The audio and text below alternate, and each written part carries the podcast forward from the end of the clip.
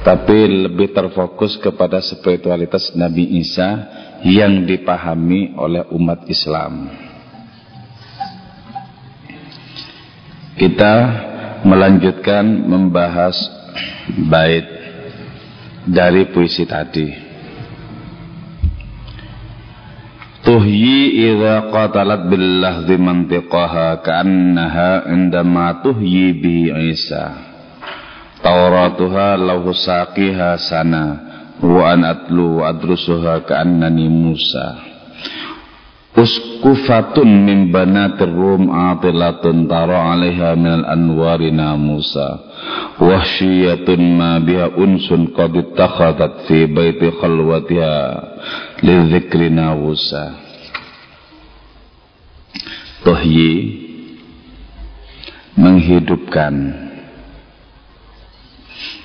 itu al-buzal atau di sini Bamirnya kembali kepada dimensi spiritualitasnya Ratu Bilqis.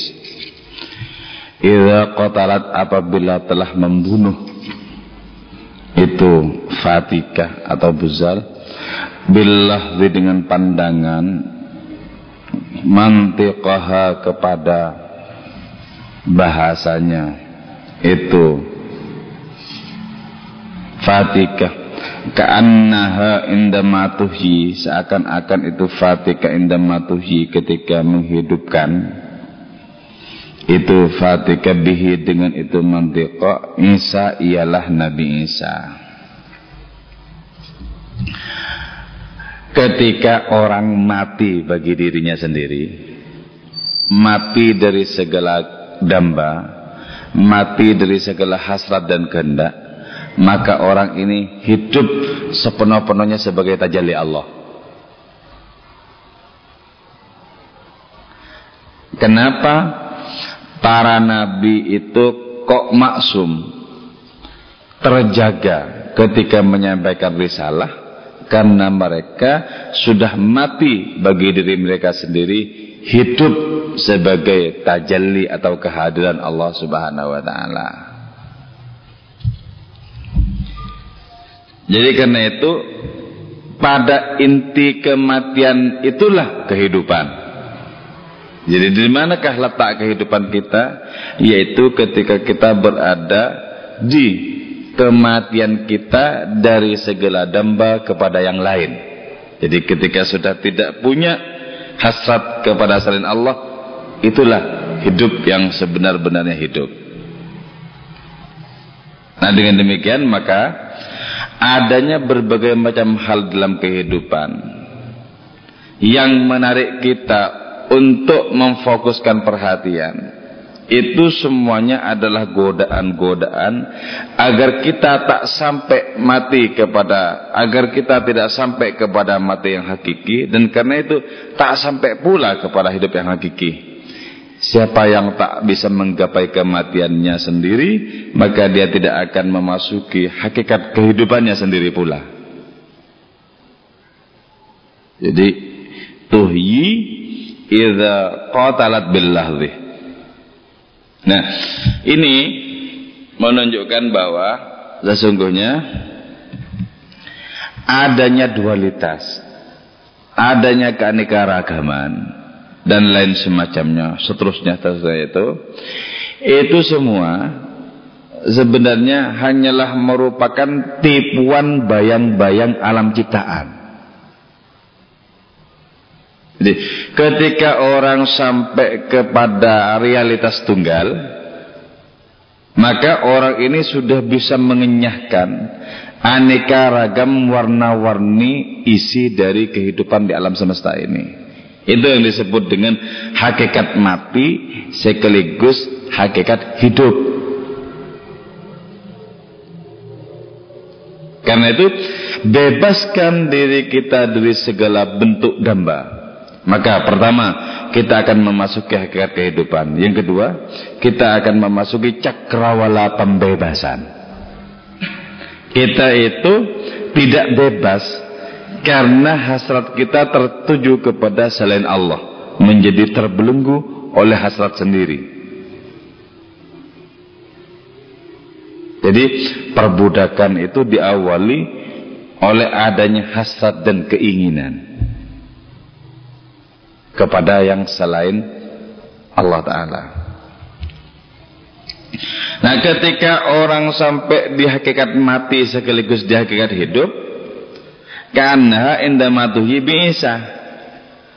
Orang ini dipakai oleh Allah Ta'ala untuk menghidupkan sesuatu yang mati. Dulu pernah ya. Antara orang Nasrani berdebat dengan orang Islam tentang siapa yang lebih mulia, Nabi Muhammad kah atau Nabi Isa? Kata si Nasrani, Nabi Isa lebih mulia. Kenapa? Karena bisa menghidupkan orang mati. Kata si Muslim, Nabi Muhammad lebih mulia karena menghidupkan hati-hati manusia yang mati. Nah, ketika itu Melintas di situ Syekh Abdul Qadir Jailani. Kalian berdebat tentang apa katanya.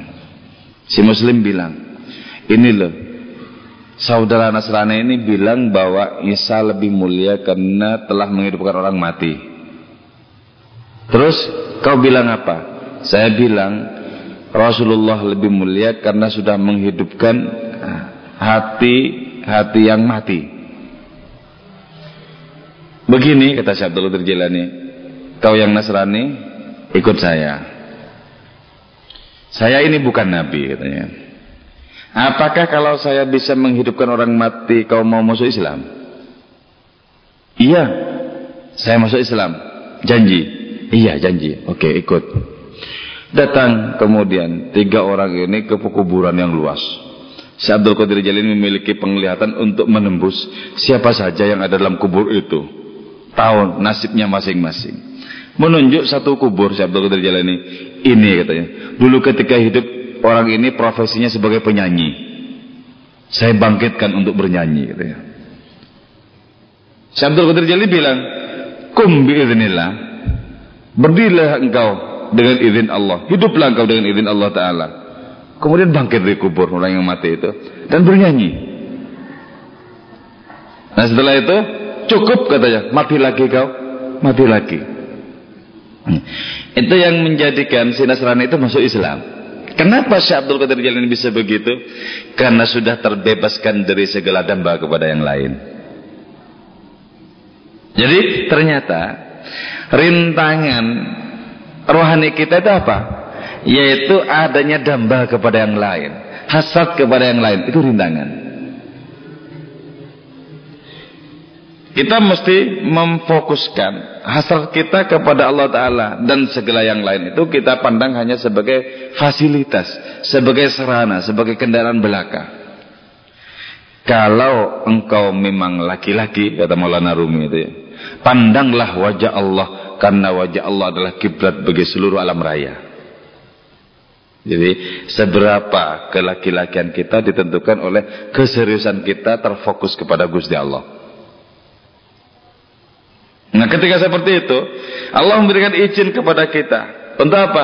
Untuk menghidupkan hati yang mati Hati orang yang mati Bisa dihidupkan Karena itu kemudian datang petunjuk lewat perantara-perantara kita Datang petunjuk, datang petunjuk Orang kemudian bergetar batinnya Hidup batinnya setelah sekian tahun sudah mengalami mati Dan itu jauh lebih mulia dibandingkan dengan menghidupkan orang yang mati.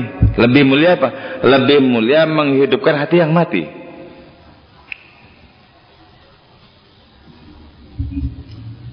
Ya, jadi ketika Allah yang maha memukau itu sudah merampas seluruh hidup kita sehingga tidak memiliki orientasi selain Allah Ta'ala semata-mata.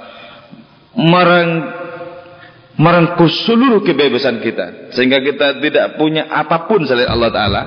Maka di saat itu kita terbebas dari kesementaraan kita dihuni oleh kemahaan Allah Subhanahu wa taala. Jadi kalau dalam suluk uragul disebutkan orang mukmin orang sejati di kesempurnaan telah tiba hidupnya bernama Allah jadi bebas dari kefanaan muncul sebagai tajallinya di sini kemudian Nabi kita itu memberikan garansi dengan menyatakan man ro'ani faqadul alhaq. Orang yang menyaksikan aku dialah orang yang menyaksikan Allah yang maha benar. Nah, ini kemudian diungkapkan dengan bahasa verbal oleh Syekh Yazid Bustami. Subhani, maha suci aku, sembahlah aku. Hilang Syekh Yazid di situ dipinjam lisannya oleh Allah untuk mengungkapkan kehendak Gusti Allah. Karena itu ketika habis subuh diingatkan si Abu Yazid ini sama santri-santrinya. Syekh katanya. Tadi jenengan mengatakan sesuatu yang melanggar syariat. Aku bilang apa katanya. Dia tidak ingat bilang apa. Kau tadi bilang subhani, maksudnya aku sembahlah aku. Betul, saya bilang begitu. Iya. Oke. Kalau besok malam kata-kata itu muncul lagi di mulutku, tusuklah aku karena aku berada dalam badan ini dan badan ini harus takluk kepada syariat Allah Ta'ala terus besoknya lagi malam semakin larut dan semakin kambuh pula rohaninya Syekh Abu Yazid Bustami. Muncul kata-kata itu lagi ketika beliau sudah hilang bagi dirinya sendiri. Subhani masuci aku katanya. Nah santri-santrinya Syekh Abu Yazid ini seperti kaum asasin yang mengamuk. Ngamuk. Dengan mengeluarkan pisau golok dari warangkanya dan ditusukkan kepada gurunya ini setiap kali mereka menusuk gurunya setiap kali pula mereka sendiri yang bersimbah darah. Sementara si guru itu tidak kena apa pun. Ada salah seorang santrinya yang berada antara menusuk guru dan tidak. Tusuk tidak tusuk tidak. Dia mengalami lecet. Kenapa?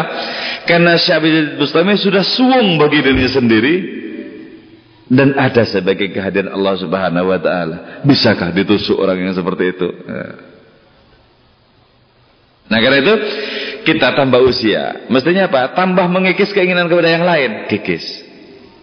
Kita semakin rampingkan keinginan, keinginan, keinginan. Kan syukur-syukur pada suatu hari menjadi tidak ada sama sekali kecuali kepada Allah Subhanahu wa taala.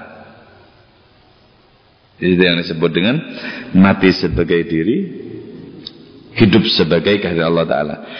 Itu rahasianya. Kenapa Nabi Isa itu kok bisa? Nabi Isa sudah lenyap. Lenyap. Bukankah Nabi Isa itu lahir tanpa proses biologis? Bukankah beliau lahir itu murni sebagai kehendak Allah Ta'ala? Inna mathala Isa indallah fali Adam khalaqahu min turabin thumma qala lahu kun fayakun. Oh, Gusti Allah itu. Tidak ada proses biologisnya.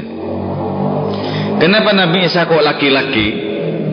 Karena ketika malaikat Jibril membawa iradah Allah Ta'ala wujudnya seorang laki-laki.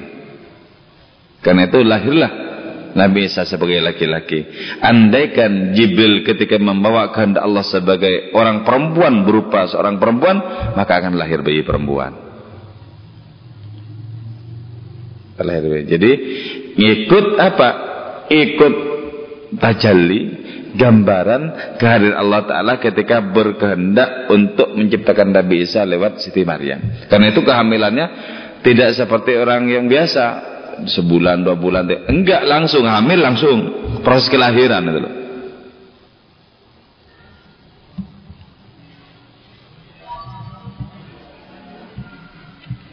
Bagaimana bisa seperti itu? Pertama-tama ya, kita mesti memahami tentang af'al, yaitu perbuatan-perbuatan Allah Ta'ala. Kalau kita bisa menyaksikan perbuatan Allah Ta'ala, maka kita akan sampai kepada hakikat tawakal. Man tajallat alaihil af'al birtifa'i hujubil akwan tawakal. Orang yang mendapatkan tajalli perbuatan-perbuatan Allah. Misalnya begini, menyaksikan segala gerak itu hakikatnya perbuatan Allah. Segala gerak, kipas berputar misalnya, langsung menyaksikan perbuatan Allah. Malam menggantikan siang disaksikan langsung perbuatan Allah Ta'ala. Orang-orang bisa melangkah ke mana-mana. Saksikan perbuatan Allah Ta'ala. Mobil-mobil, motor-motor bergerak. Saksikan perbuatan Allah Ta'ala. Kalau orang sudah mendapatkan tajalil af'al ini. Menyaksikan perbuatan Allah pada segala sesuatu. Orang ini pasti tawakal. Kenapa? Mesti tawakal. Karena toh yang akan menentukan. Itu semata-mata af'alnya Allah. Allah punya af'al, kita punya af'al. Tapi yang terjadi pasti af'alnya Allah. Sebagaimana Allah punya kehendak, kita punya kehendak. Yang terjadi pasti kehendaknya Allah Ta'ala. Kalau apa yang kita kehendaki itu terjadi, itu karena di backup oleh kehendak Gusti Allah. Wa mata sya'una illa ayyasha Allah. Kalian tidak bisa berkehendak kecuali sama persis dengan kehendaknya Gusti Allah Ta'ala. Kalau ada yang makan, sesuai dengan kehendaknya. Kalau enggak, enggak mungkin jadi seperti yang belum makan ini. Nah. Jadi, nah kalau begitu berarti apa? Seluruh aktivitas itu bisa menjadi sarana untuk mengalami tajalil af'al.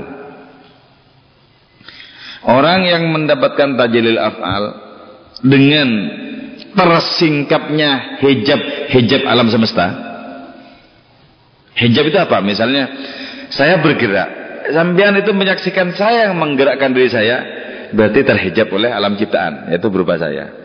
Tapi ketika saya bergerak, saya berbicara, sampean bisa menyaksikan afalnya Allah, perbuatan Allah di balik ini dari hijab berupa bagian-bagian dalam ciptaan itu sudah tersingkap. Jadi orang yang mendapatkan tajalil afal dengan tersingkapnya hijab-hijab dari isi alam semesta ini, maka orang ini akan tawakal dengan penuh kepada Gusti Allah Subhanahu wa taala. Jadi karena itu coba tunjukkan di manakah yang bukan Allah coba kan. Pada perbuatan, pada tindakan seperti apakah yang bukan tindakan Allah? Kita bahkan mungkin bertanya, kalau kita menyaksikan maksiat dan keburukan gimana? Di mana posisi Allah? Setiap tindakan dosa sekalipun itu kekuatannya, itu kekuatan Allah untuk berbuat dosa itu. Energinya itu loh dari Gusti Allah.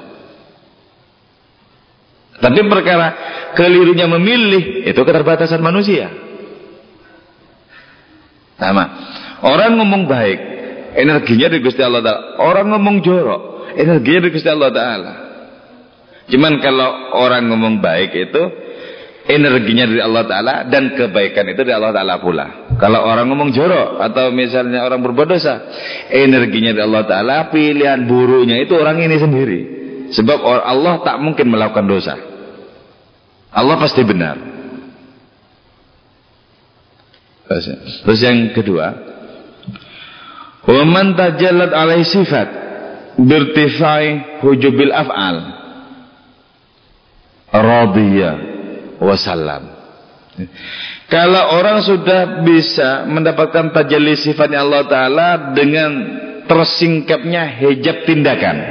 Kalau tadi sampai kepada tindakan Allah. Sekarang tidak hanya itu. Tapi sampai kepada sifatnya Gusti Allah. Sebab munculnya tindakan itu dari sifat. Karena Allah punya sifat kudroh, maka ada nanti wujud yang menunjukkan tragedi atau perbuatan yang menunjukkan kemahakuasaan Allah. Karena Allah memiliki sifat iradah, maka nanti ada buktinya bahwa sesuatu terjadi dikehendaki oleh Allah Taala. Jadi sifat itu merupakan asal usul tumbuhnya af'al. Asal usul tumbuhnya amal. Jadi orang yang sudah disingkapkan oleh Allah Ta'ala sifat-sifat Allah sendiri dengan terbebaskannya orang ini dari af'al-af'alnya Allah maka secara otomatis orang ini ridho apa itu ridho? ridho itu memberikan segala-galanya kepada Allah menyerahkan hidup dan mati kepada Allah gerak dan diam diserahkan kepada Allah jaga dan tidur diserahkan kepada Allah segala keputusan semuanya diserahkan kepada Allah. Itu ridho. Ridho itu orang memberikan seluruh dirinya kepada Allah Ta'ala. Nah kalau orang sudah memberikan seluruh dirinya kepada Allah maka Allah memberikan seluruh dirinya pula kepada orang ini. Jadi sepertinya semacam tukar-tukaran. Kuserahkan diriku kepadamu Allah bilang kuserahkan pula diriku kepadamu. Ridho. Karena itu ridho ini ini beribu-ribu kali lipat, berjuta-juta kali lipat di atas makom ikhlas. Kalau ikhlas kita mengerjakan sesuatu niatnya karena Allah. Itu ikhlas. Tapi kalau ridho kita mengerjakan sesuatu kita serahkan kepada Allah tidak hanya perbuatan itu tapi keseluruhan diri kita yang diserahkan. Jadi orang mencapai ridho ketika sudah mendapatkan tajalli sifat. Terus, wa man tajallat alaidzat birtifa'i hujubis sifat. Orang yang mendapatkan tajalli zat Allah taala dengan disingkapkannya hijab-hijab sifat Allah. Sebab kan sifat itu kan banyak, tapi zat satu. Sifat banyak zat satu. Ketika orang menemukan asal usulnya sifat itu zat, ya maka orang ini pasti fana. Artinya apa? Lenyap begininya sendiri. Ketika dipandang, aku sebenarnya nggak ada ini, nggak ada. Sebab kalaupun ada, aku juga tidak pernah terlibat penciptaan diriku. Walaupun itu ada ketentuan-ketentuanku bukanlah aku yang menentukan. Nah, jadi yang disebut fana seperti itu. Nah, dari fana inilah kemudian muncul konsepsi wihdatul wujudnya Ibnu Arabi. Wujud ini satu kata Ibn Arabi satu. Kalau sampai melihat itu banyak, itu cuma bayang-bayang yang sama lihat, bukan wujud yang sebenarnya. Satu. Bagaimana mungkin dari yang satu itu kok muncul yang banyak? Dari satu ya tetap satu. Ya itu tetap satu. Jadi wihdatul wujud satu. Jadi mana-mana orang kalau sudah sampai di wihdatul wujud ini menyaksikan makhluk pasti ketemunya Gusti Allah. Ketika aku pandang seluruh makhlukmu, ya Allah, ternyata engkau bersemayam pula di situ. Ketika aku pandang engkau, ya Allah, ternyata dari dirimu lah berpendar-pendar seluruh aneka ragam alam raya ini. Jadi kalau orang sudah mau syahada seperti itu, itu enggak repot-repot pikiran. Orang pikiran, biar Allah bersemayam dalam hatinya. Subhanallah, subhanallah, bersemayam dalam hatinya. Kenapa? Karena masih belum menyaksikan. Kalau sudah menyaksikan kepada Allah Subhanahu wa taala, maka sudah bebas dari segala zikir. Sebab apa? Tidak ada zikir setelah musyahadah. Yang Gusti Allah. Oh ini ya satu bait. Ayo ada yang mau ditanyakan kita dialog. Moga-moga barokah, moga-moga bermanfaat. Amin. Ayo. Ada apa dipahami semua ya? Apa ada yang tidak dipahami? Kalau sudah dipahami, ayo kita sekarang belajar merasakan ya. Karena jarak antara paham dan merasakan itu jauh sekali. Jarak antara mengetahui dan merasakan jauh dalam hal apa pun. Tadi saya bilang itu apa? Coba. Bebas dari segala damba kepada selain Allah Ta'ala. Coba kita resapi dalam batin kita ya Allah moga-moga kau menuntun kami untuk tak memiliki kehendak kepada apa pun yang selainmu. Mudah-mudah moga-moga kesenangan kami kepada selainmu semata-mata perantara belaka untuk senang kepadamu. Ya Allah berikanlah kekuatan rasa dalam diri ini. Bahwa fokus kami, orientasi kami, tujuan kami adalah Engkau semata-mata. Ya Allah, jangan biarkan kami tertarik kepada apa pun yang selainmu. Karena tertarik kepada selainmu adalah ancaman belaka. Coba dirasakan bahwa kita itu tidak memiliki damba yang lain, tujuan yang lain.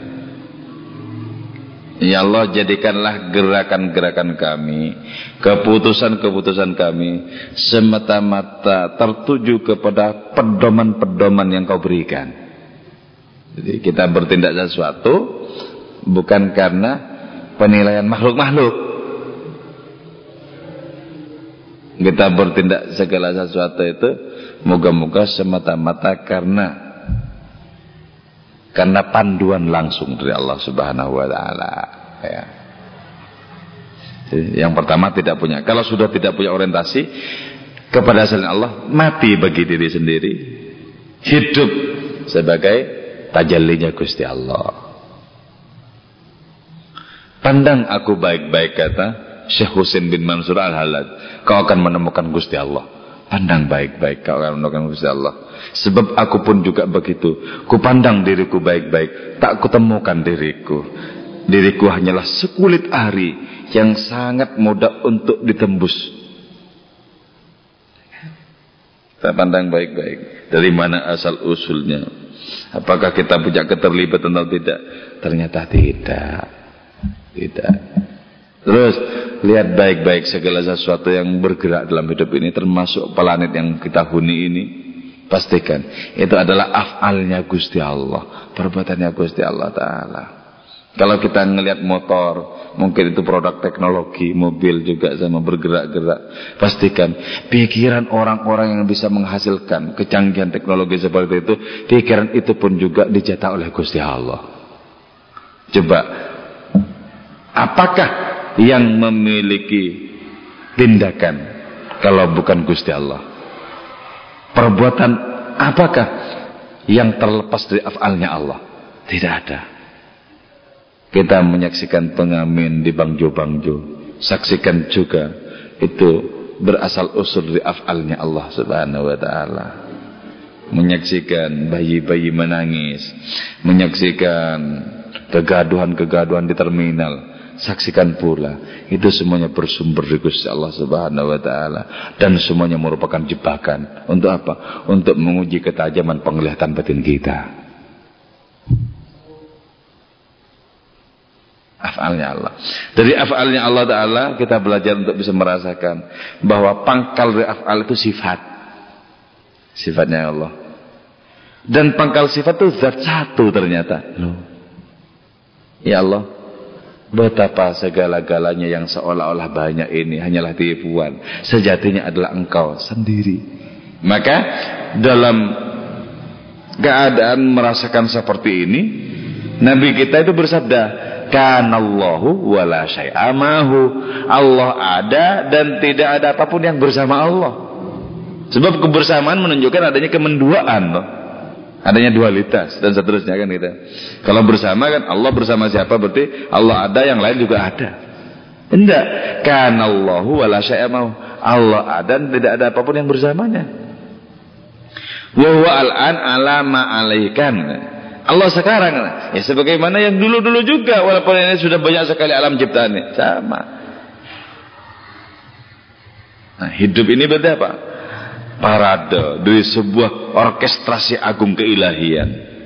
Aku ya Allah, kami ya Allah, bahkan alam raya ya Allah adalah sesuai dengan kehendakmu. Jadi kalau kacamatanya irad, apa saja yang terjadi itu benar, nggak ada yang salah. Kalau kacamatanya irad. Nanti kemudian ada yang disebut salah dan benar, taat dan maksiat, itu ukurannya apa? Kalau sesuai dengan ajarannya disebut taat, kalau tidak sesuai disebut maksiat. Tapi segala maksiat itu pun juga akan akan mendapatkan pelayanan dari Allah. Bukankah dengan demikian perbuatan apa pun di backup oleh Gusti Allah Taala, diliputi oleh kemahadirannya. Nah ini ini yang disebut sebagai jalan akseleratif, jalan terabas. Kenapa? Antara kita dan Gusti Allah itu tidak ada jarak loh sebenarnya. Allah coba berfirman begini, "Ana qaribun bila masafatin." Aku dekat tanpa jarak. Wa ana ba'idun bila masafatin. Aku juga jauh tanpa jarak kok. Nah, berarti kalau begitu apa yang disebut jauh dan dekat itu, itu perkara rasa loh. Rasa.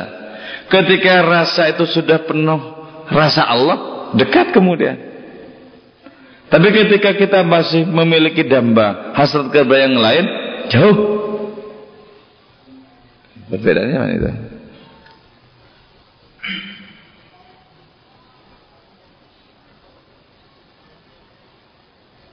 Karena itu sergaplah ya Allah kami dengan penglihatanmu hingga kami tidak tertarik kepada selainmu. Rebutlah hati ini agar tak memiliki kesempatan jatuh cinta kepada selainmu.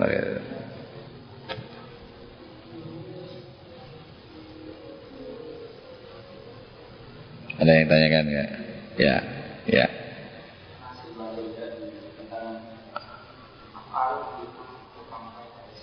Iya. Iya.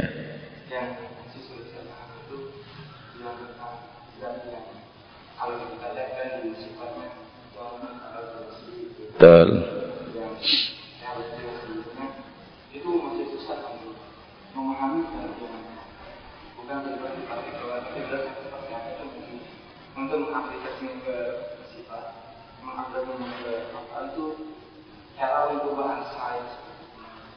Iya. Hmm. Sifat beraneka ragam ya. Seluruh sifat itu menunjuk kepada kemahaan. Kepada kemahaan yang tak dibatasi oleh apa pun. Dan kemahaan itu yang tak terbahasakan. Itulah yang disebut dengan zat. Yaitu kemutlakan yang tidak bisa terfragmentasi yang tak terbahasakan kecuali dengan bahasa keterbatasan itulah yang disebut sebagai zat. Disebut sebagai zat. Nah sebenarnya ya ini satu. Zat sifat af'al itu satu ini dibeda-bedakan hanya dalam pembahasan Jangan dikira bahwa af'alnya itu terpisah dari sifatnya. Jangan dibayangkan bahwa juga af'alnya terpisah dari zatnya. Tidak. Tidak terpisah. Cuman kalau af'alnya itu mudah kita saksikan. Kenapa? Karena terhubung dengan segala sesuatu yang empirik. Kita menyaksikan segala sesuatu bergerak-gerak. Itu afalnya bisa mudah kita tangkap. Terus sifatnya kita tangkap itu juga eh, lebih mudah dibandingkan menangkap zatnya. Kenapa? Karena ketika misalnya kita menyaksikan setiap saat Allah Ta'ala itu melayani makhluk-makhluknya dengan belas kasih. Kemudian kita tahu, oh kalau begitu maha belas kasih dong sifatnya. Ya. Terus kita paham zat itu justru dengan bisa menyaksikan bisa memahami segala sesuatu ini asal usulnya tidak ada asal usulnya tidak ada jadi kreasio ex nihilo kalau dalam filsafat ya. tidak ada jadi, kemudian dikehendaki untuk ada nah ada yang beraneka ragam ini adalah pendaran-pendaran dari maha wujudnya Gusti Allah Ta'ala yang maha itu tadi. Tapi bagaimana? Tidak ada pertanyaan bagaimana bisa mencakup zatnya. Seperti tidak ada kata seperti untuk bisa menerangkan zatnya. Tidak ada seperti. Jadi karena itu kemudian dengan sadar Nabi itu bersabda tafakkaru fi khalqillah wala tafakkaru fi dzatillah. Kau bisa merenung ciptaan-ciptaannya, tapi jangan merenung zatnya. Bukan tidak boleh, bukan takut untuk direnungi. Karena kapasitas renungan akal tak sanggup ke sana. Kecuali hanyalah merupakan bagian-bagian luarnya yang bisa menunjuk ke arah kemutlakan itu sendiri. Dasarnya. Kita mengingatkan diri kita, baca coba. Kita ini sesungguhnya adalah kitab yang ampuh. Kalau kita bisa membaca tamat kitab berupa diri sampai kepada Gusti Allah. Ternyata kosong. Jadi ini yang sebenarnya dimaksudkan oleh Allah Subhanahu wa taala ketika berfirman kepada Nabi Musa. Nabi Musa menyatakan Rabbi arini anzur ilaik. Rabbi Tuhanku ari perlihatkanlah engkau nih kepadaku. Anzur maka memandang aku ilaik kepadamu. Perlihatkan dirimu aku akan memandangmu ya Allah katakan tapi Allah Ta'ala menjawab kola lantarone gak mungkin kau bisa memandangku. Walakin anzur ilal jabal tapi pandanglah gunung itu jadi, kenapa tidak mungkin memandang Allah? Bagaimana sesuatu yang hakikatnya tidak ada bisa memandang yang ada, itu loh. Kan makhluk ini hakikatnya tidak ada, loh. Bagaimana yang hakikatnya tidak ada bisa memandang yang ada? Nggak bisa. Walakin al jabal. Tapi pandanglah gunung itu fa in istaqarra makanahu fasafatarani. Kalau gunung itu tetap pada tempatnya, maka kau akan memandangku. Tapi ketika pandangan Nabi Musa tertuju kepada gunung, gunung pun menjadi lenyap di pandangan Nabi Musa. Kenapa? Hakikatnya tidak ada, lenyap. Maka falamma tajalla rabbuhu lil jabal ja'alahu dakka wa kharra Musa. Ketika Allah bertajalli ke gunung itu, maksudnya apa? Bertajalli gunung itu, penglihatan Nabi Musa dibikin tajam bahwa sesungguhnya gunung itu hakikatnya tidak ada. Lah yang ada itu apa? Yang ada itu tajallinya, tajalli Allah. Nah, ketika menemukan Allah di gunung itu, Nabi Musa hilang sebagai dirinya sendiri. Artinya penglihatan sebagai diri sendiri hilang. Karena itu disebut pingsan.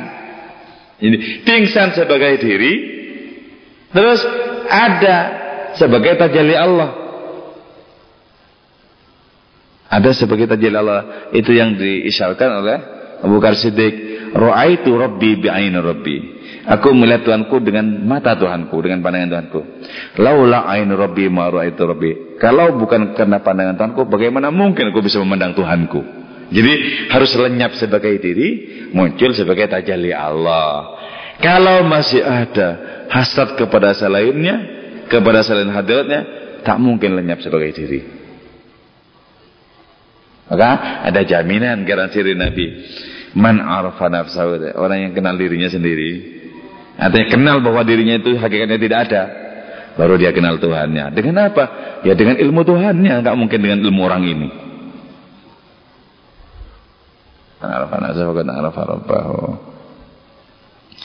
Kalau Allah berkehendak ya ternyata ma'rifat itu ditekuk ya, langsung orang bisa memiliki loh. Enggak usah berbulit-bulit belajar kitab ini dan semacamnya sebenarnya loh. Nah, kenapa kita belajar kayak gini? Ya ini perintahnya saja suruh belajar kan gitu. Jadi jangan dikira bahwa ini merupakan jaminan untuk bisa menekuk jarak ma'rifat.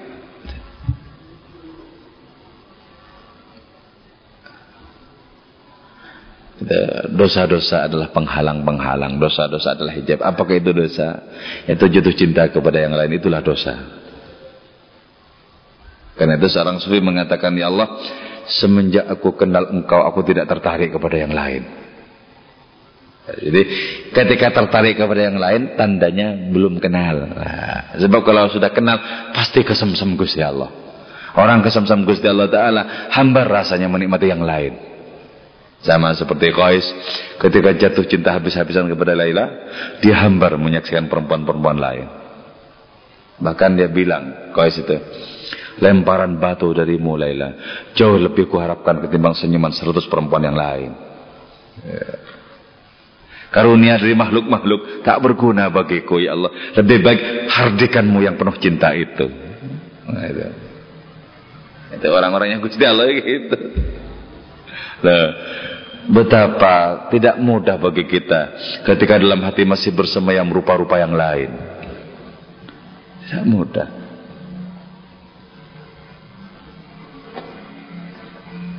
Ya, ada lagi. Ini diper, makanya dalam Islam dalam hadis Nabi itu sangat sangat penting kedudukan renungan itu. Renungan yang bisa mengantarkan seorang untuk menyaksikan Gusti Allah. Itu lebih baik ketimbang ribuan tahun menyembah Allah tapi tidak menyaksikan loh. Menyaksikan. Karena itu orang dekat kepada Allah itu bukan karena amalannya itu banyak sholat sunnahnya sampai ribuan rakaat bukan itu dulu Sayyidina Ali pernah bilang tentang Abu Bakar Siddiq itu. Sebenarnya Abu Bakar itu katanya tinggi derajatnya timbang sahabat yang lain. Bukan karena sholat sunnahnya lebih banyak, puasa sunnahnya lebih banyak, bukan. Tapi sininya ini yang merasakan Gusti Allah. Ya.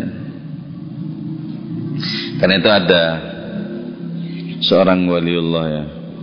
Kerjanya cuma nongkrong-nongkrong di beranda masjid, di beranda masjid nongkrong. Orang sholat dia tetap nongkrong situ, ngerokok-ngerokok, ngobrol apa.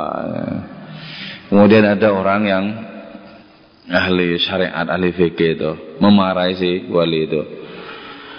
Ini model perbuatan macam apa ini? Orang sholat nggak ikut sholat, ya. orang zikiran nggak ikut zikiran, gak bener ini. Ayo ikut dipaksa, dipaksa untuk mengikuti si alim syariat ini untuk sholat berjamaah. Mau lah itu, iya yuk katanya. Persis berada di sebelahnya ketika sholat itu. Ketika sholat sholat terdapat satu rakaat, orang ini masih ikut sholat juga. Tapi di rakaat kedua sudah berubah rupanya itu. Sudah berubah yang seperti semula kelihatan orang Arab tuh sudah kelihatan orang yang model India itu loh. Berubah. Rakaat yang ketiga berubah lagi kayak negro. Berubah. Rakaat yang keempat hilang. Ketika habis sholat masih nongkrong ternyata di situ di berada masjid. Masih nongkrong di berada masjid. Nah si wali ini bilang sama yang ahli syariat itu, kau tadi sholatnya sama siapa katanya. Lah iya ya kok berubah-ubah ya. Itu baru tiga rupa yang saya perlihatkan kepadamu. Dalam rupa yang seperti apa kau menyaksikan aku tidak sholat? Coba. Kalau kau menyaksikan aku di masjid dengan rupa yang seperti ini tidak sholat, apa tidak mungkin saya sholat dalam rupa yang lain dan di tempat yang lain?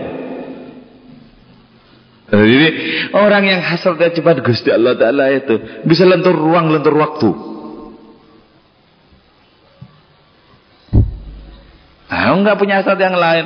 Allah maha luas kok. Orang-orang yang ketularan kemahaluasan Allah Ta'ala semesta terlampau kecil untuk diukur dengan orang seperti itu. Karena itu coba, mana yang lebih luas? Dunia dan akhirat atau Nabi kita? Jauh lebih luas Nabi kita ketimbang dunia dan akhirat. Dunia dan akhirat itu hanyalah satu titik dibandingkan dengan keluasan Nabi kita. Bahkan dunia dan akhirat hanyalah merupakan bagian dari derma Rasulullah. Makanya kata Imam Busiri di akhir burdanya itu, "Fa inna min judika dunya wa darrataha wa min ulumika ilmal lawhi wal qalami." Ya nafsu la taqnati min zallatin azumat innal kabaira fil ghufrani kallamami sallallahu alaihi Fa inna min judika dunya darat sungguhnya bagian dari dermamu itu Nabi Muhammad adalah dunia ini dan akhirat nanti. Itu derma Nabi yang andaikan tidak ada Nabi untuk apa dunia dan akhirat ada? Gak mungkin ada kok. Jadi, itu derma cuma. Jadi dunia dan akhirat itu menginduk mesti kepada Nabi kita. Wa min ulumikal wal qalami. Termasuk ilmu engkau Nabi. Bukan semuanya, bagian dari ilmumu. Itu ilmu yang ada di Lauh Mahfud dan ilmu yang ditulis oleh pena Gusti Allah. Mesti lebih banyak yang di Nabi. Karena itu Syabu Yazid Bustami, enggak usah Nabi. Syabu Yazid Bustami bilang, andaikan seluruh alam raya jatuh ke dalam hatiku, Hatiku masih luas untuk bisa menampung apa pun. Karena seluruh alam raya hanyalah setitik debu di hatiku. Enggak usah nabi loh. Kenapa? Karena sudah tidak punya hasrat kepada yang lain. Satu waktu ya, Allah memperlihatkan kepada Syabizid Bustami keindahan dunia ini, keindahan langit, keindahan bumi diperlihatkan. Semua kekayaan diperlihatkan dan ditawarkan oleh Allah Taala kepada Syabizid Bustami. Mungkin kau tertarik yang mana dari semua keindahan langit dan bumi ini ya. Syabir bilang ya Allah saya tak tertarik kepada selainmu ditolak saya tidak tertarik kepada selainmu baru kalau engkau yang bertanya kepadaku tertarikkah engkau Abu Yazid kepadaku maka aku pastikan Aku tertarik bahkan seluruh hidupku adalah rasa tertarik itu sendiri kepadamu. Nah karena itu kemudian di zaman Syabi Yazid ini Allah Subhanahu Wa Taala berfirman lewat ilhamnya bukan lewat Quran. Quran sudah selesai di masa Nabi ya. Tapi ilhamnya Allah Taala bisa kapan saja sesuai dengan kehendaknya. Kullul awliya yatlubuna minni kata Allah firman Allah. Semua wali mohon fasilitas kepadaku. Ini itu adalah semacamnya fasilitas untuk kebaikan-kebaikan. Illa abi illa Aba Yazid kecuali Abu Yazid. Fa innahu yatlubuni. Dia itu memintaku langsung. Ya Allah saya mohon kepadamu. Ketika ditanya, "Kau mohon apa?" Aku mohon engkau. Jadi fasilitas sudah lewat. Nah, fasilitas sudah lewat.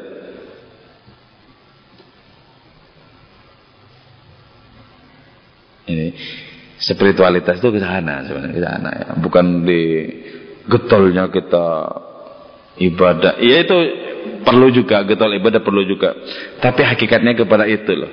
Kepada isbatullah al-ilah wahdahu menetapkan Allah sebagai satu-satunya realitas. Sebagai satu-satunya pusat kesadaran dari kita.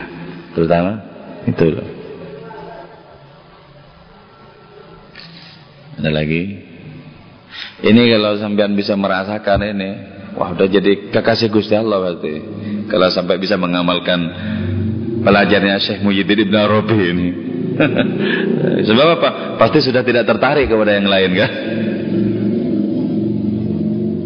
Makanya moga-moga berbarengan dengan petunjuknya Allah. Amin. Moga-moga manfaat, moga-moga barokah. Ya, ada yang lain enggak?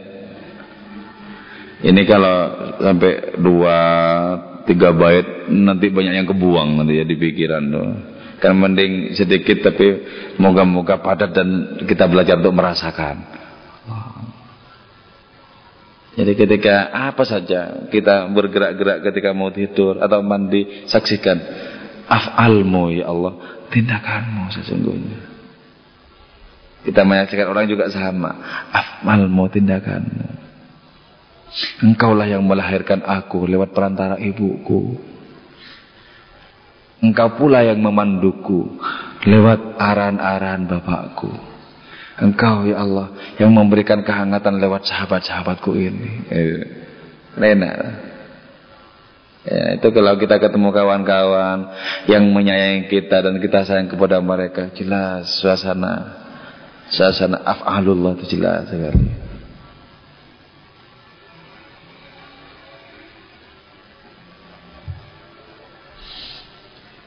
Ada ya? Oke, moga-moga kita senantiasa berada di jalan yang menuju kepada hadiratnya. Moga-moga dibangkitkan oleh Allah Ta'ala rasa keilahian dalam diri ini. Moga-moga kita bisa bermanfaat dalam kehidupan ini. Semoga Allah lah satu-satunya yang paling agung sebagai orientasi hidup kita dalam setiap tindakan-tindakan dan perilaku kita. Moga-moga hasrat kita hanya semata-mata Allah Ta'ala belaka. Moga-moga kita merasakan segala-galanya diliputi oleh Allah Subhanahu Wa Ta'ala. Moga-moga segala keinginan kepada yang lain digantikan oleh keinginan kepada hadratnya semata. Ya Allah engkau maha pemurah. Dan inilah rasa ketidakberdayaan diri kami. Inilah kami mengemis kepadamu karena yakin engkau tidak akan mengecewakan siapa pun yang datang kepada hadratmu diri kami hanyalah akibat-akibat dan engkaulah satu-satunya sebab ya Allah. Diri kami hanyalah pantulan dari keberadaanmu. Engkaulah yang mutlak wujud itu ya Allah. Ya Allah ajarkanlah kepada kami bagaimana setiap saat kami semakin tertarik kepadamu dan semakin tak tertarik kepada yang lain-lain. Allah, Allah, Allah, sungguh kami tidak akan bisa melangkahkan kaki rohani satu langkah pun tanpa pertolonganmu. La haula wa la quwata illa billah. Hasbunallah wa ni'mal wakil, ni'mal maula wa ni'man nasir. Wassalamualaikum warahmatullahi wabarakatuh.